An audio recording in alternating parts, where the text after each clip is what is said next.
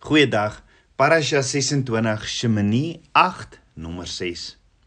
Ons het gesien in Hebreëus kry jy 3 woorde met verskillende betekenisse vir wyn. In die Nuwe Testament is van die boeke geskryf in Grieks en Grieks praat soos Afrikaans en Engels van een soort wyn, naamlik oinos.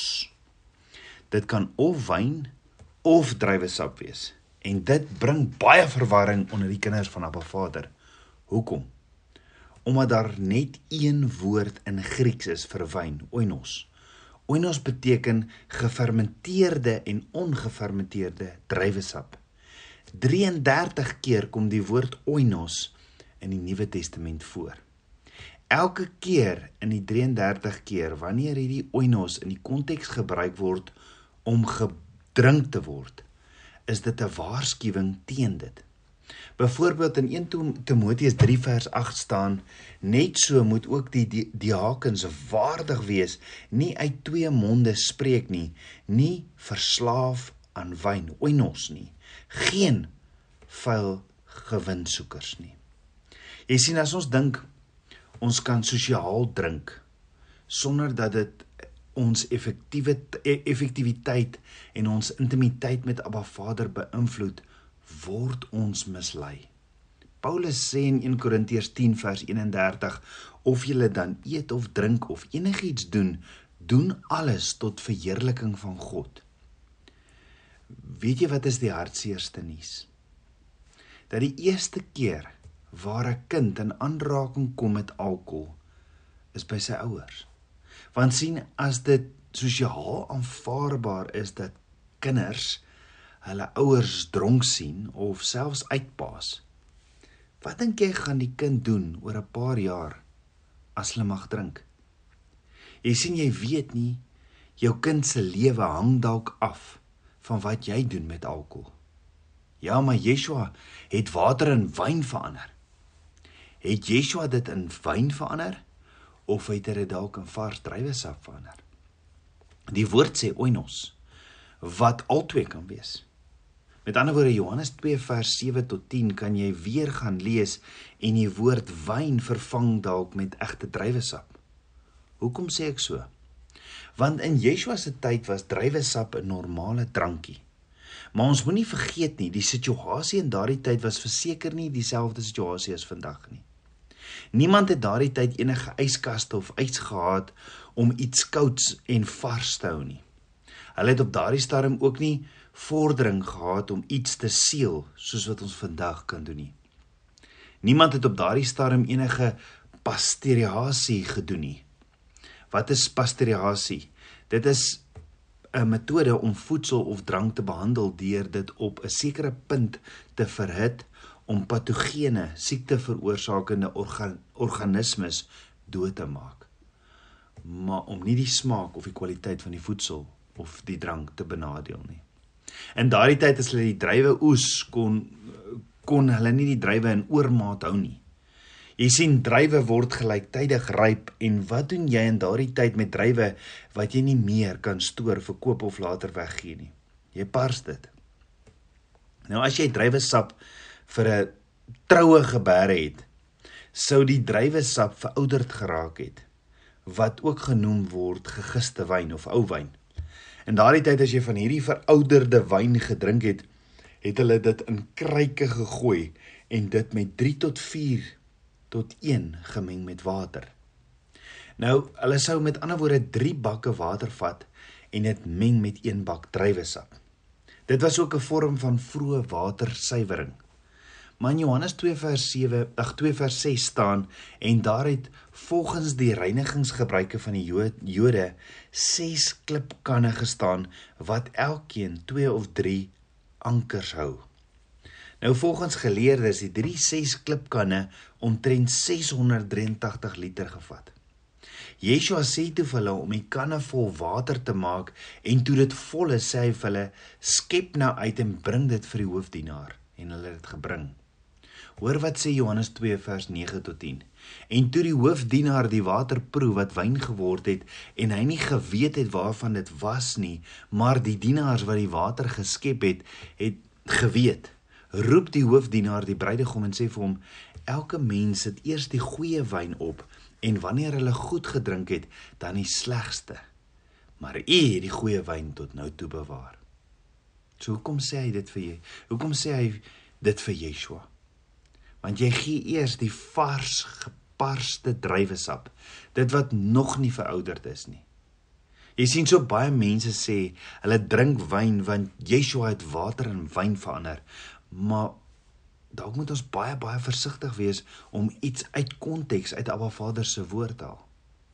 Yeshua was besig om 'n behoefte vir vir vir die gasvrou van die troue te vervul.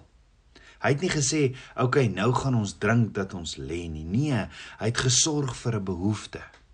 So die nuwe wyn wat hulle gedrink het was nog so vars en nuut. Dit het nog nie eers gegis nie. Jy sien die woord oinos is 'n is 'n baie spesifieke woord want as dit gegis was, het hulle dit nie net so gedrink nie, hulle het dit dan gemeng met water. Dis hoekom daar houers vir water staan.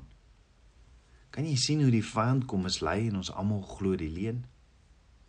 Ons gaan haal ook enige iets uit konteks uit om ons om ons wil te laat geskied want ons is in rebellie teenoor dit waarteen Abba Vader ons wil beskerm. En regdeur Abba Vader se woord waarsku Abba Vader ons teen alkohol en Abba Vader gaan so ver deur te sê wie die een wat vir sy buurman drank gee. As Abba Vader regdeur die woord ons waarsku daarteen, hoekom sal Yeshua dit dan self doen? Daar's geen manier dat Yeshua die water in wyn met alkohol verander het nie. Ja, maar Yeshua het wyn gebruik by die laaste maal. By die laaste ete by die instelling van die nagmaal, die Griekse woord wat hier gebruik word vir wyn is nie oinos nie. Die woord wat Yeshua in Grieks gebruik het vir hierdie woord is glucose en glucose beteken vars druiwesap sonder uitsondering in al vier evangelies Matteus, Markus, Lukas en Johannes en in die res van die Nuwe Testament as daar gepraat word van die wyn by die nagmaal word daar gepraat van die woord glucose vars uitgedrukte druiwesap As ons gaan kyk na die instelling van die nagmaal en die druiwesap wat Yeshua gebruik het gaan dit oor die egte druiwesap sonder enige gis wat sy bloed verteenwoordig, wat Yeshua se bloed verteenwoordig. Yeshua se bloed het geen sonde gehad nie en daarom moes hy kom betaal het met sy bloed as die lam van God. Yeshua sou nie druiwesap gebruik het met enige onsuiverhede in wat sy bloed sou verteenwoordig nie. Want onthou sy bloed het kom betaal vir ons sondes. Maar daar was geen onsuiverhede in die bloed van Yeshua nie. Die bloed van Yeshua is die volmaakte bloed wat vir my en jou sondes kom betaal het. Jy sien tydens die fermentasie van wyn groei daar bakterieë en onsuiverhede in die proses van wyn maak. En dink jy regtig Yeshua sal iets met bakterieë of met onsuiverhede gebruik om sy suiwer bloed voor te stel? Dis nie dis nie my pappa God se karakter nie. Maar dan gooi ons maar wyn in die nagmaalglasies by die kerk. Ons is geskape om op 'n Vader te aanbid en om hom heilig en om en, en om heilig te lewe. Hy roep ons om heilig te wees, afgesonderd. Afgesonderd van wat? Afgesonderd van sonde. Ons is geskape om te lewe sonder onsuiverhede. En reg deur die woord waarskap Ba Vader sy kinders om weg te bly van dit wat kom steel by hulle en van dit wat jy jouself, jou gesin, jou bediening mee seermaak. Nêrens in die woord van Abba Vader praat hy alkohol enigsins goed nie, nie eers 'n bietjie nie. Paulus sê in 1 Korintiërs 6 vers 20, want julle is duur gekoop, verheerlik God dan in julle liggaam en julle gees wat aan God behoort. Jy is gekoop teen 'n prys met Yeshua se bloed. Jy behoort nie aan jouself nie. Paulus sê in Galasiërs 2 vers 20 ek is met Christus gekruisig en ek leef nie meer nie maar Christus leef in my. En wat ek nou in die vlees lewe leef ek deur die geloof in die seun van God wat my liefgehad het en homself vir my oorgegee oorgegee het. Ons behoort nie aan onsself nie, ons behoort aan Abba Vader. Ons is Yeshua se hande en voete. Ons is sy mondstuk. Ons is die tempel waar binne hy woon en hy wil nie hê ons moet iets in sy tempel doen wat skade aan sy tempel kan doen nie. En alkohol verwoes jou oor jou jou organe. Alkohol verwoes jou lewer en dit verkort jou lewensverwagting. Alkohol gee jou hoë bloeddruk, maagsere, nierversaking, floutis, swak gesondheid, slegte spysvertering en algemene wanvoeding. Alkohol is 'n gif vir die liggaam en dink jy regtig Yeshua het ons kom aanmoedig om alkohol, hierdie gif en dwelm te drink? Nee, dis 'n deur wat ons oopmaak vir die gees van Bacchus. Jakobus 4:7 sê: "Onderwerp julle dan aan God en weerstaan die duiwel en hy sal van julle wegvlug." As ek alkohol in my mond sit, doen ek die teenoorgestelde en ek nooi die vyand in my lewe in om my en my familie te besteel, te slag en te verwoes. Yeshua sê egter vandag vir my en jou: Ek het gekom dat 'n lewe in oorvloed kan hê. Ek glo ek glo as jy in intimiteit saam met Abba Vader wil wandel in die droom wat hy nog altyd vir jou het, is daar nie plek vir alkohol in jou lewe nie. Want dink daaroor. As jy nie 'n probleem het met alkohol nie, hoekom nie dan hierdie moordenaar, hierdie wêreldmoordenaar uit jou lewe laat gaan nie? Ek wil jou aanmoedig vandag. Let go. Let God. As jy die roeping aanvaar waarvoor Abba Vader jou uit Egipte die wêreld verlos het en waarvoor hy jou roep, die droom wat hy vir jou het as sy priesterlike bruid, dan is daar geen twyfel dat jy jou kop moet wegdraai van alkohol nie. Abba Vader nooi ons om hom te nader, maar verseker nie met strange fire nie. Want dit het nie so goed vir Aaron se seuns uitgewerk nie. So dink daaroor of om oor te ponder. Ons het in hierdie week se parashaaf gedeelte in Levitikus 10 het Nadav en Abihu, Aaron se twee seuns, vreemde vuur voor die aangesig van Abba Vader gebring wat hy hulle nie beveel het nie en dit het nie goed uitgedraai vir hulle nie. Kan jy dink hoe moes Aaron daaroor gevoel het? Maar Tabernakels kind van Abba Rai wat was die heel eerste woorde wat Abba Vader na die dood van Aaron se seuns met Aaron gespreek het?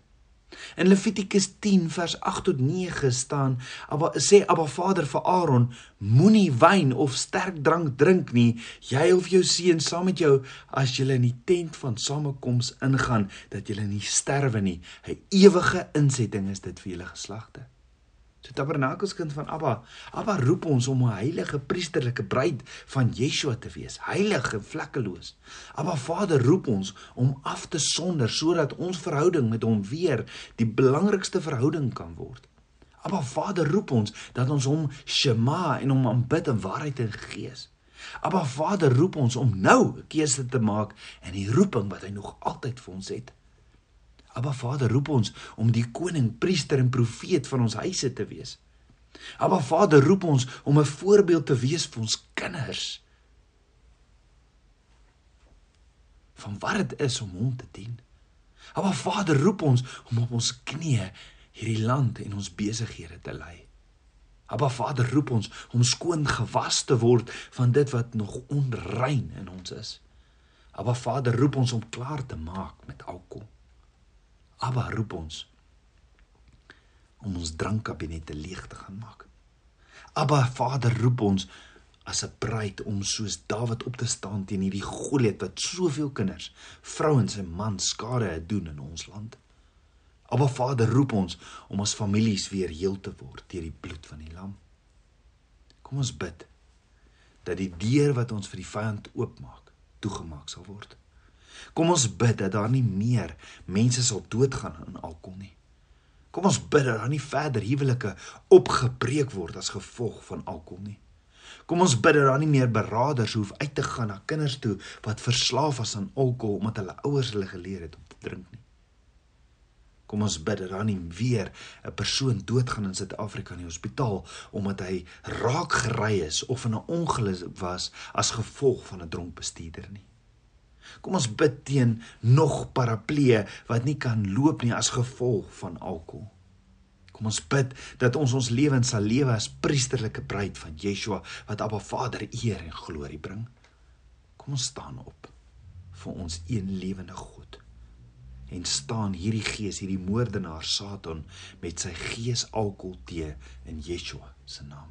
Ons liggame behoort nie aan ons nie. Dis duur gekoop. Kom ons bid saam. Aba Vader, koning van my hart, ek loof en prys U. Vader, ons kom gee vandag ons land, ons families, ons paas, ons maas, ons kinders vir U, ons eie liggaam vir U wat U duur gekoop het.